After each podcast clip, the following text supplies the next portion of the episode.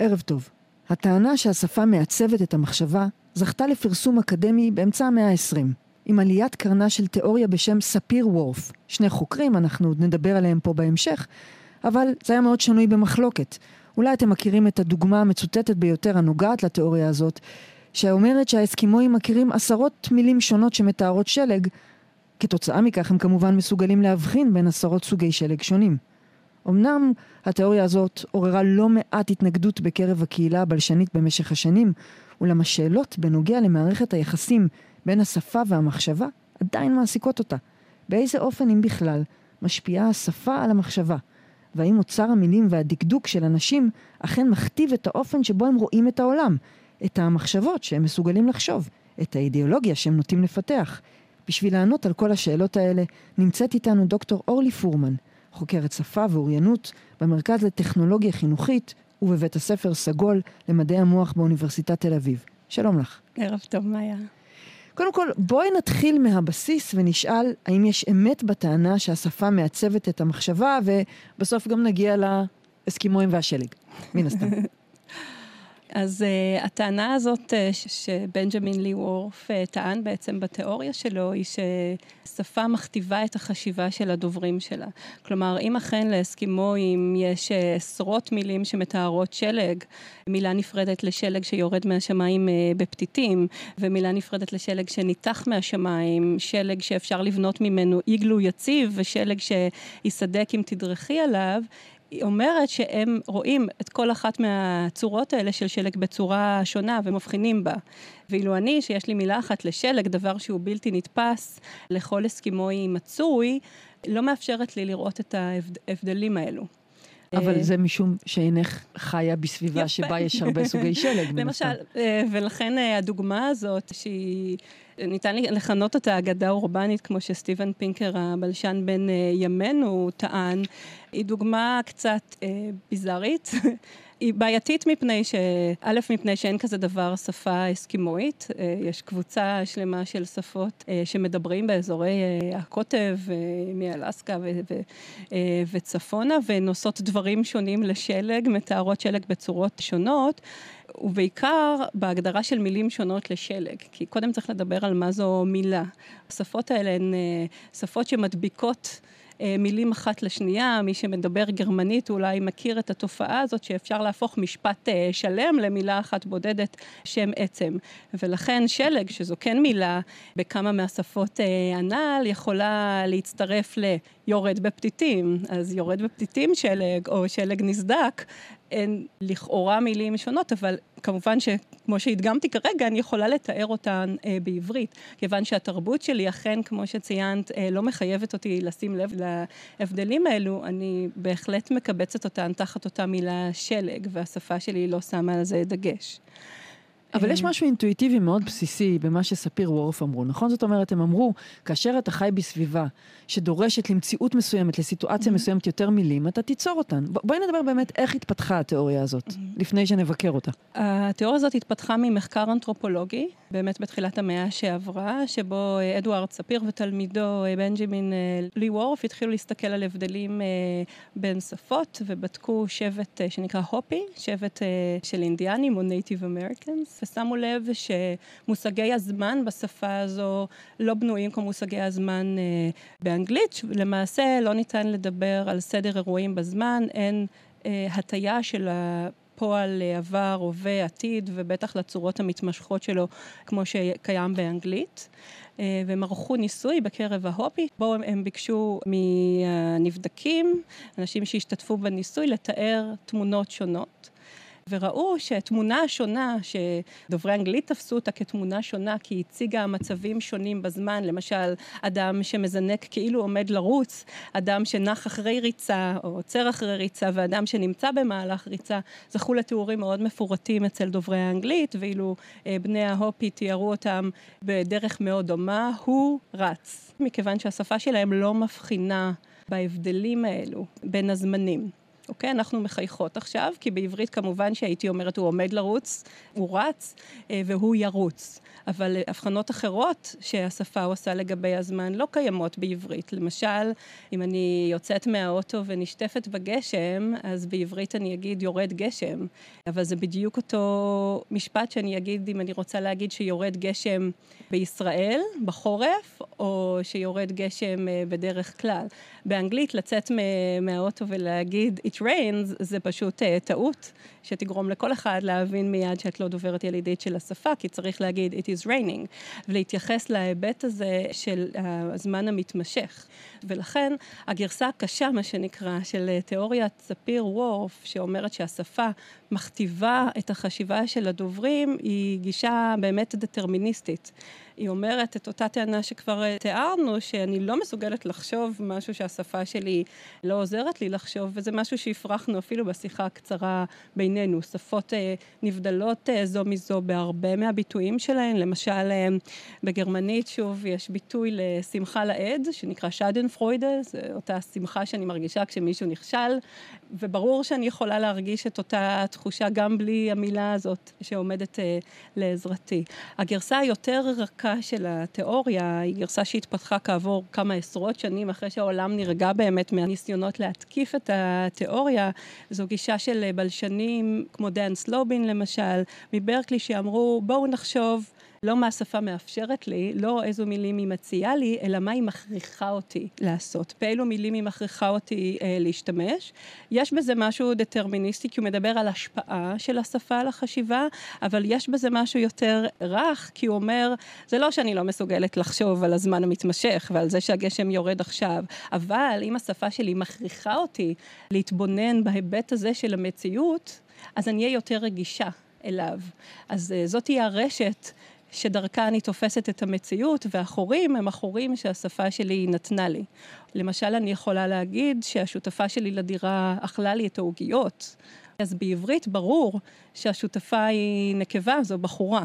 אם הייתי אומרת את המשפט הזה באנגלית, My roommate, roommate ate my cookies, אז יכולת לשאול אותי, האם השותפה שלך אה, היא בחורה, או שמא זה בחור, אבל אז הייתי יכולה לענות לך, זה לא עניינך.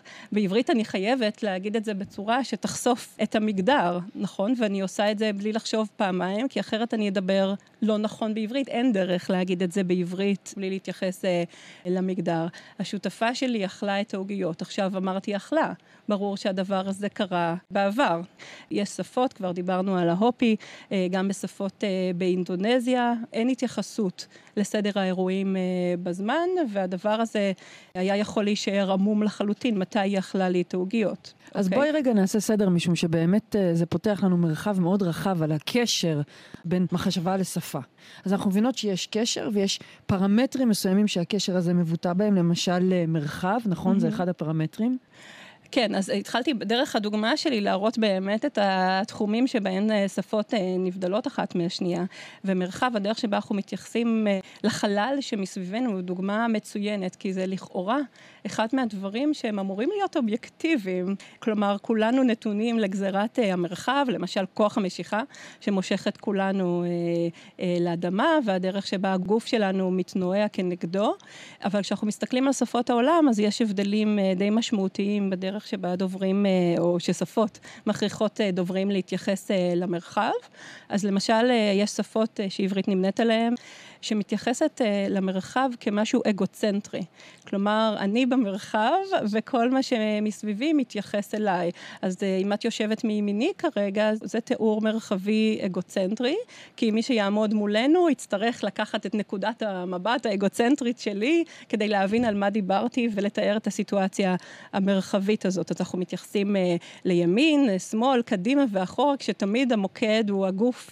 אה, שלי שמתאר את המרחב, לעומת שפות שיש להן אה, תפיסת מרחב או מסגרת ייחוס שהיא גיאוצנטרית או אבסולוטית, שזו מפה שהיא תמיד אה, מוצפנת, ולפיה הייתי אומרת מאיה יושבת, שאלוהים יעזור לי, אני יודעת באיזה כיוון, אבל נגיד מדרום-מזרח אליי.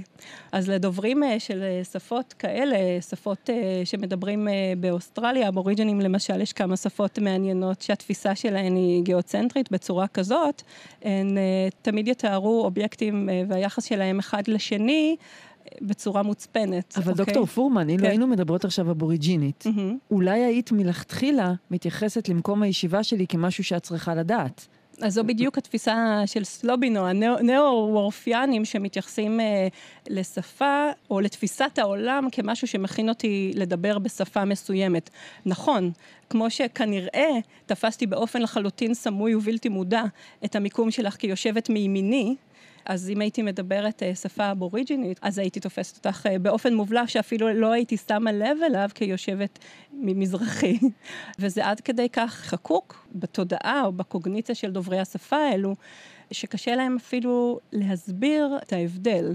למשל, שחזור של אירועים. אני, כאן אני מדברת על אה, סיטואציה שמתרחשת, אבל אם הייתי מתארת את השיחה בינינו לאדם זר, ואני, אורלי, דוברת עברית, אז הייתי אומרת, כן, מאיה ישבה מימיני, מחווה ביד שלי לצד אה, ימין. אה, אבל אם אני הייתי מדברת שפה אבוריג'ינית ומספרת בערב לבן זוג שלי על השיחה המרתקת שאנחנו מנהלות, אז יכול להיות שהייתי אומרת, מאיה ישבה ממזרחי ומחווה ביד אה, לכיוון שהוא אבסולוטי, למרות שזה לא מתאר את היחס אה, של שני הגופים שלנו כרגע במרחב. אבל יכול להיות שזו שאלה של התפתחות של שפה, כלומר עברית תנכית. אתה אומרת שאני יושבת ממזרח לך, משום שאז בכל זאת העולם היה בנוי באופן כזה שכשאתה עולה לרגל, אתה עולה לרגל נאמר מזרחה, ועברית הנוכחית אין לה צורך בזה. מספיק שתגידי מימינך. קודם כל, כל ההבדלים שאנחנו מדברות עליהן, בקשר למה שפה מקודדת אה, ומה לא, קשורים להתפתחות התרבותית של אותה שפה. אין בכלל שום ספק, זה לא איזשהו קסם. ובאמת רואים שפות שמשתמשות במרחב גיאוצנטרי, הן שפ, הם שפות שהדוברים שלהם חיים בקבוצות יותר חקלאיות, באמת מזכירות אה, שלב אה, של חקלאות, של אה, קבוצות שמרוכזות סביב אותו כפר. אז למשל, יש שפות במקסיקו, למשל, שמתייחסות ממש לסביבה ה... הלוקאלית, המקומית של אותו כפר, למשל, uphill או downhill, במעלה הגבעה או מתחת לגבעה. כלומר, כל היחסים הרחבים נשפטים ביחס לאזור שבו הקבוצה הזאת חיה, האם זה בכיוון של פסגת הגבעה או הרגליים שלה. עכשיו בואי נדבר רגע על אקטיבי ופסיבי. עושה ונעשה. גם פה יש הבדל גדול בין השפות, נכון? מה שאת מכנה אותו אשמה או אחריות באיזה אופן? נכון, אז גם אירועים שאפשר להסתכל עליהם בעין שיפוטית ולתאר אותם לכאורה באופן אובייקטיבי, אפשר לתאר אותם באופן שונה בשפות uh, שונות.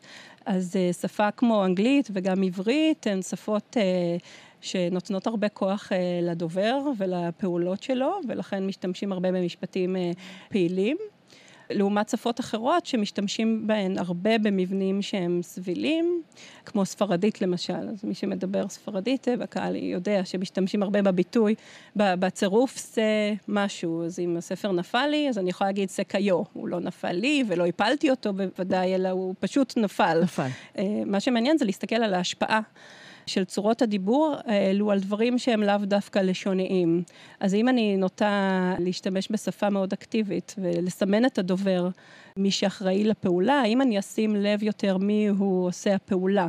אז המחקר מראה שכן, שאם אני מדברת יפנית שמשתמשת בצורות של הפועל בלי להתייחס לגוף שעשה אותו, או בספרדית שמחבבת צורות צבילות, אני אזכור פחות את עושה הפעולה, אני אשים לב יותר לפעולה ולמאפיינים שלה, וקצת אשכח להתמקד במבצע.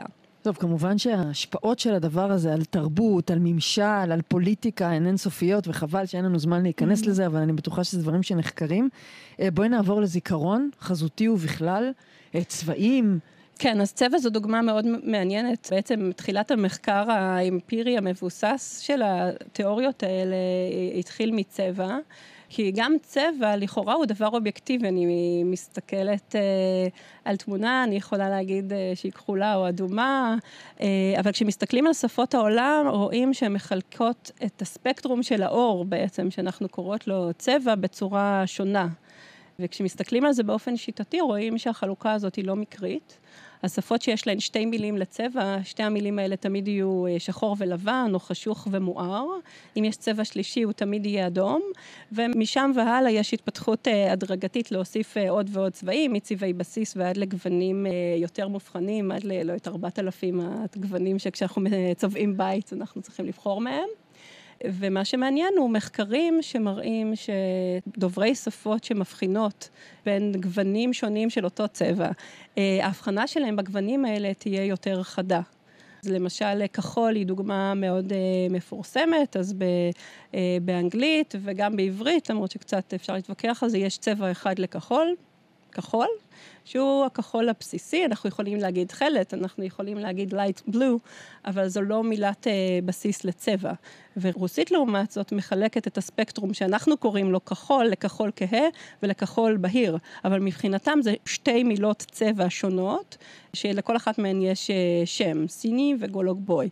אז uh, כשדובר uh, רוסית מסתכל על צבע כחול, הוא ידע להבחין בין הצבע הכחול הזה לצבע כחול שהוא מאוד דומה מבחינת הספקטרום, בעוד שדובר אנגלית, בלי בכלל לערב שפה, בלי להגיד תקראו לשם הזה בצבע, הוא לא ידע לזהות את ההבדל ביניהם. הוא יגיד שני הריבועים האלה של הצבע שהראית לי כאן, הם זהים לחלוטין, או קרובים מדי בשביל שאני אוכל אה, לעמוד על ההבדל. אבל פה אם נבקר רגע את ספיר וורף לשנייה, נגיד אם יש יורד ים mm-hmm. או מעצב בדים, אז מה, הוא יצטרך כדי לתאר את השלל גוונים הכחולים שהוא רואה להזדקק לשפה הרוסית או לשפה אחרת? בהחלט. לכל אחד מהגוונים אה, שהם מציעים יש שם. כל מיני שמות לכחול שאני אפילו לא יודעת, כדי לעמוד על ההבדלים האלה. ואין לי ספק שהם ידעו להצביע שזה לא אותו הכחול שהתכוונתי אליו, זה גוון אחר אה, לגמרי. ממש כמו שעבור הרבה אנשים הצבע פנינה הוא בעצם לבן, או יכול להיות צהוב. יש קצת הש... הבדלים אה, מגדריים, אה, למשל כשהתחתנתי, אז אמרתי לאיזה ידיד שאני לא מתחתנת בשמלה לבנה, ואז הוא אמר, באמת לא בשמלה לבנה, או בצבע שאתן חושבות שהוא לא לבן וזה בעצם לבן, כמו פנינה וכולי. הוא ידע מה לשאול. הוא ידע. אבל כן. השאלה אם כך, למשל העברית מקבלת לתוכה המון מילים לועזיות, mm-hmm. בגלל הטכנולוגיה לדוגמה, משום mm-hmm. שאנחנו, אין לנו מספיק מילים לתאר כל מיני התפתחויות טכנולוגיות, אנחנו קולטים פנימה, mm-hmm. במקום לשלוח הודעת טקסט, גם טקסט אינו בעברית, לסמס. כן. בסדר? אז אני שואלת, האם שפה בעצם סופגת מתוך שפות אחרות, בגלל הצורך שלה להתפתח בלית ברירה, ואז היא מבחינה בין גוונים של כחול ובין mm-hmm. צורות טכנולוגיה שונות וכן הלאה. אז אני חושבת שיש הבדל בין צבע, שזה באמת משהו שהוא גם בסיסי לחוויה האנושית וגם משתנה מאוד. באמת כחול, אין כזה דבר כחול. אה, כחול זה ספקטרום רחב של האור שאפשר אה, לגזור מתוכו כל מיני גוונים.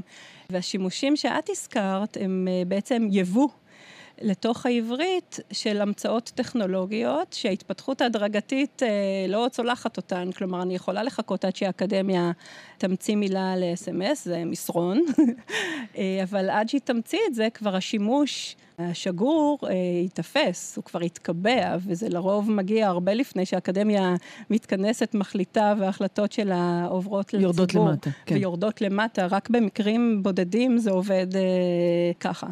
עוד נקודה מעניינת של החיבור בין שפה למחשבה עם מגדר, את קצת נגעת בזה, אבל אשמח שתפתחי עוד קצת mm-hmm. על האופן שבו שפות ומגדר והמחשבה מתחברים. כן, אז אה, יש לנו מה שנקרא מגדר ביולוגי או מין ביולוגי, שזו חלוקה של, אני חושבת, כל האורגניזמים החיים לזכר אה, ולנקבה. אז גם לחלוקה הביולוגית הזאת שפות מתייחסות אה, באופן שונה, אז בעברית יש לנו התאמה גם למין וגם למספר, כמעט בכל דבר שאני עושה. הזכרתי קודם את השותפה שלי לדירה שהיא לא שותף, אה, אבל גם כשאני אומרת אה, עיתונאית, מגישה, מראיינת אה, וכולי, אני חייבת להכניס פנימה, לקודד את המין. אבל שפות גם נבחנות זו מזו בדרך שבה הן מתייחסות לחפצים דוממים כאל בעלי מין. אז זה מה שנקרא מין שרירותי, מין של שמות עצם. אז אה, בעברית יש לנו זכר ונקבה, השולחן אה, הוא יפה ולא יפה, נכון? ומחברת היא אדומה, והרבה שפות לא מתייחסות אה, למין הדקדוקי הזה כמשהו שיכול להתייחס לחפצים דוממים. שוב, זה משהו שאנחנו כדוברי עברית כמעט לא מתייחסים אליו, לא שמים אליו לב. אנחנו שמים אליו לב כשאנשים טועים ואומרים שתי ספרים ושני מחברות. למשל, אבל זה משהו שהוא טבעי לנו. זה גם משנה את האופן שבו אנחנו חושבים על דבר מסוים, כלומר אם בעברית מוות הוא זכר, אבל בשפה אחרת הוא יהיה נקבה, זה ישנה את האופן שבו אנחנו חושבים על מוות? אז הטענה היא שכן, והאינטואיציה שלי גם לגבי המילה מוות היא, היא דומה. אפשר לראות את זה ביצירות אה, אומנות מהרנסאנס, שהתייחסו למושגים כמו חירות ומוות וכן, גאולה. אה, בשפות שונות, ציירים גרמניים, ציירים צרפתים למשל, והראו אה, מוות כמשהו שבא לקחת אותך עם אה, קלשון, לעומת מוות שהוא אה, מלא בייסורים, אבל אה, קצת יותר פסיביים. הראו את ההבדלים האלו על החשיבה גם כשמתייחסים לאובייקטים אה, דוממים, אז למשל ראיינו דוברי ספרדית ודוברי גרמנית, וביקשו מהם למנות או לתאר אה, עצמים שהראו להם בכמה שיותר אה, תיאורים, כמה שיותר שמות תואר שעולים על רוחם. אז למשל, השתמשו במילים שהם זכר בגרמנית ונקבה בספרדית, ולהפך, אז למשל...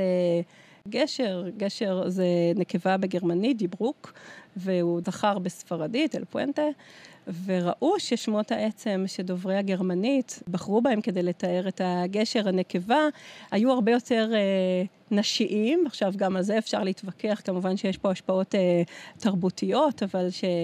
מעידים על, אה, על אמינות, על אלגנטיות אפילו, על הצבע של הגשר, אם הוא נוצץ אה, או לא, לעומת דוברי הספרדית שתיארו את הגשר כמשהו יציב, מהימן אה, וכולי, שמות עצם שדורגו כיותר גבריים על ידי קהל שופטים, וכמובן שזה התהפך כשדיברו על שמות עצם שהם נשיים בספרדית ו- וזכריים בגרמנית. ואם גבריים. אני מדברת גם ספרדית וגם גרמנית, אם אני דו-לשונית? אז זאת שאלה מאוד מעניינת. מה קורה במוח של דו-לשוניים. קודם כל בואי נסביר מה זה דו-לשוני. Okay. אם אוקיי. אני לומדת שפה בגיל 30, אני דו-לשונית? תלוי את מי את שואלת. Okay. אוקיי. Uh, לדו-לשוניות יש לפחות 300 הגדרות uh, שונות, החל מחשיפה לשתי השפות באופן דומה מגיל הלידה ועד לדו-לשוניות uh, מאוחרת יותר ולא מאוזנת, כמו לימוד שפה זרה בגיל יותר מבוגר. מה שרואים אבל זה שככל שהשליטה בשפה השנייה, החדשה, אה, מעמיקה, ההשפעות שלה על החשיבה יותר אה, מובחנות. אפילו כשמסתכלים על, אה, על התפקוד המוחי, למשל במכשירי תעודה מגנטית כמו FMRI, שמאפשרים לראות מה קורה במוח כשאומרים לי כחול, או כשאומרים לי שולחן, או כשאומרים לי אימא, ואז מראים שאצל דו-לשוניות יש דפוס פעילות עצבית שהוא קצת שונה מדוברי כל אחת מהשפות בנפרד.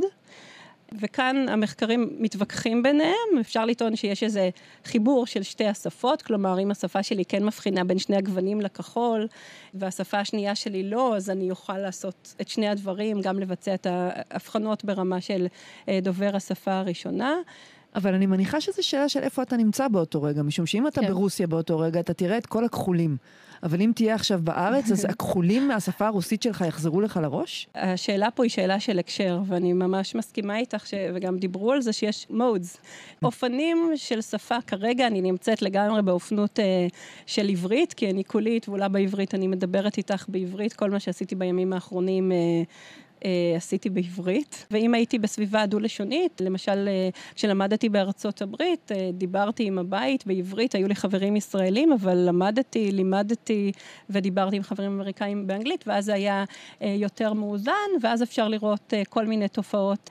מעניינות, למשל של translanguaging או code mixing, של מילים שנכנסות משפה אחת לשפה השנייה פתאום, והשפעות כאלה הדדיות בין שתי השפות.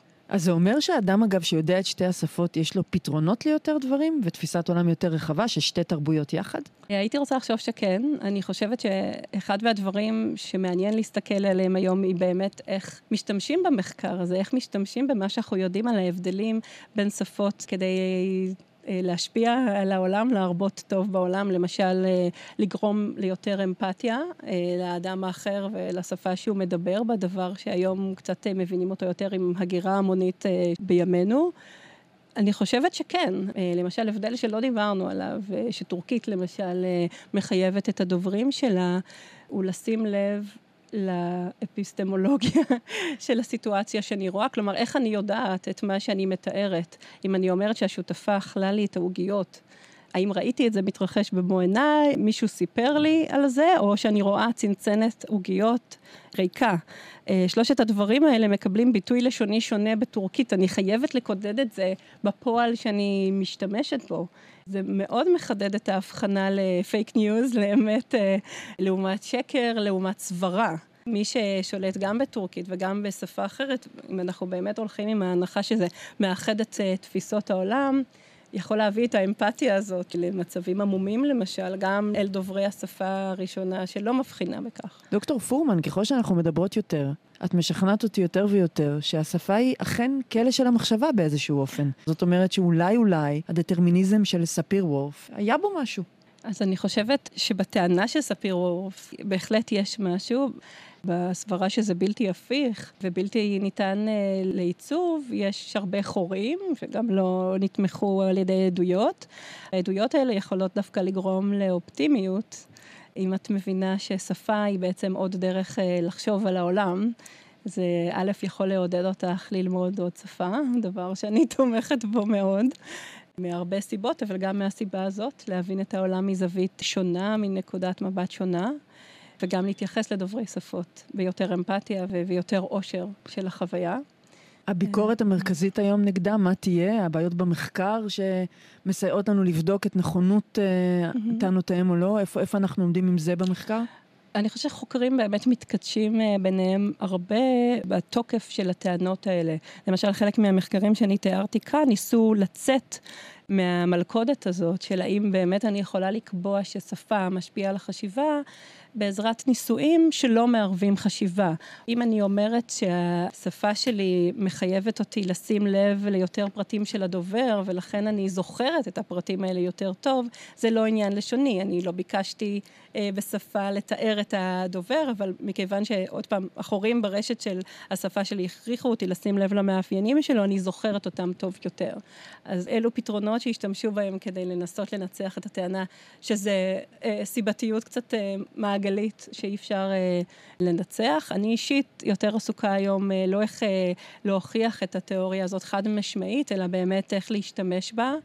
גם לדברים שכבר תיארתי, אבל גם למשל אה, ללימוד שפה. עכשיו אנחנו עובדים אה, במרכז Minducate, בבית ספר סגול למדעי המוח, על סביבות של מציאות מדומה. ללימוד שפה, אז דיברנו על כך ששפה משפיעה על המציאות, אבל מה אם נוכל אה, לקחת את המציאות שאני לומדת בה, לשנות אותה, לנצל אותה לטובתנו, כדי שאני אבין את ההבדלים האלו בין שפות. אוקיי? אז אה, בדוגמה של המגדר, האם יהיה לי קל יותר לזכור ששולחן אה, הוא זכר בעברית, דבר שמאוד מאוד קשה לאנשים שלומדים שפות אה, שיש בהן הבחנה מגדרית כזאת לשמות עצם, קשה מאוד להשתלט על זה. האם אני אזכור את זה יותר טוב, אם תהיה לי התנסות יותר מעמיקה עם שולחן והמאפיינים האולי גבריים שלו?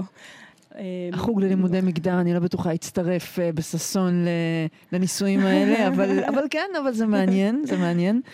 דיברנו על האופן שבו אנחנו מתבוננים על שולחן ומייחסים לו תכונות שלאו דווקא אנחנו מודעים לכך שאנחנו מייחסים לו אותן, ובכך נזכרים ששולחן הוא זכר. השאלה על שפה פנימית עולה כאן, והיא השאלה אם יש כזה דבר, האם אנחנו מתנהלים בתוך עצמנו בשפה שהיא איננה השפה שבה אנחנו מתנהלים כלפי חוץ, ואיננה נתונה לכללי התחביר שבה השפה הרגילה שלנו, הטבעית שלנו מתנהלת. אז בעצם השאלה שאת שואלת זו שאלת uh, מיליון הדולר. Uh, האם כל חשיבה מתנהלת uh, בשפה? החפיפה בין שני המושגים האלה, האם אני יכולה לחשוב בלי מילים? אני אטען שלא, ומה שהראינו כאן, אני חושבת בתוכנית, היא שהחשיבה שלי היא מכוונת שפה. אני חושבת כדי לתקשר את המחשבות האלו למישהו אחר. גם אם אני לא עושה את זה במודע, השפה שלי מחייבת אותי להסתכל על העולם כהכנה לדיבור. אז דן סלובינג, שהזכרתי אותו כאחד ממצילי uh, התיאוריה הנוקשה ההיא של וורף, קרא לזה thinking for speaking, חושבים כדי לדבר. אז אני מסתכלת עלייך ויודעת שאת נקבה לא בגלל שאת נקבה והתכונות האלה קופצות, אלא בגלל שבכל תיאור שאני אבחר uh, כדי לתאר אותך, אני אהיה חייבת להתייחס להיבט הזה, uh, כדי לדבר נכון. ואם מאמינים בגישה הזאת, אז uh, יודעים שאין כזה דבר מחשבה שהיא מנותקת uh, מהשפה. שפה שמתייחסת רק לאיזה שהם סימבולים שהם מאוד מאוד מאוד מנותקי קונטקסט. כלומר, אז, את אה, אומרת לי שכל מה שקשור לאינסטינקטים שלנו, כמו לברוח, אני לא צריכה להגיד לעצמי בראש את המילה עכשיו תברחי, אני פשוט בורחת לצורך בורחת. העניין. אבל uh, כשתתארי את זה uh, מאוחר יותר, את תשתמשי במה שהשפה שלך uh, מציעה לך. בזמן, uh, I was running, או פשוט רצתי, כדי שתוכלי לתקשר את זה בצורה יעילה. נדמה לי שהייתי מוכנה להתווכח על העניין הזה אם יש או אין שפה פנימית, אבל אין לי מספיק כלים לצורך כך, וכנראה שגם למדע ולמחקר עדיין אין. אז אני חושבת שזו באמת אה, שאלה מצוינת, טובי המוחות אה, עובדים על זה עכשיו, ו- ועתיד המחקר הוא באמת לנסות להפריד בין המרכיבים האלה, בין מה שאני מוציאה החוצה, שפה דבורה, ל- למה שקורה אצלי במוח כשאני מדברת לעצמי, והאם יש קשר ביניהם, ועל זה עוד נשמע. דוקטור אורלי פורמן, תודה רבה לך. תודה רבה, מאיה.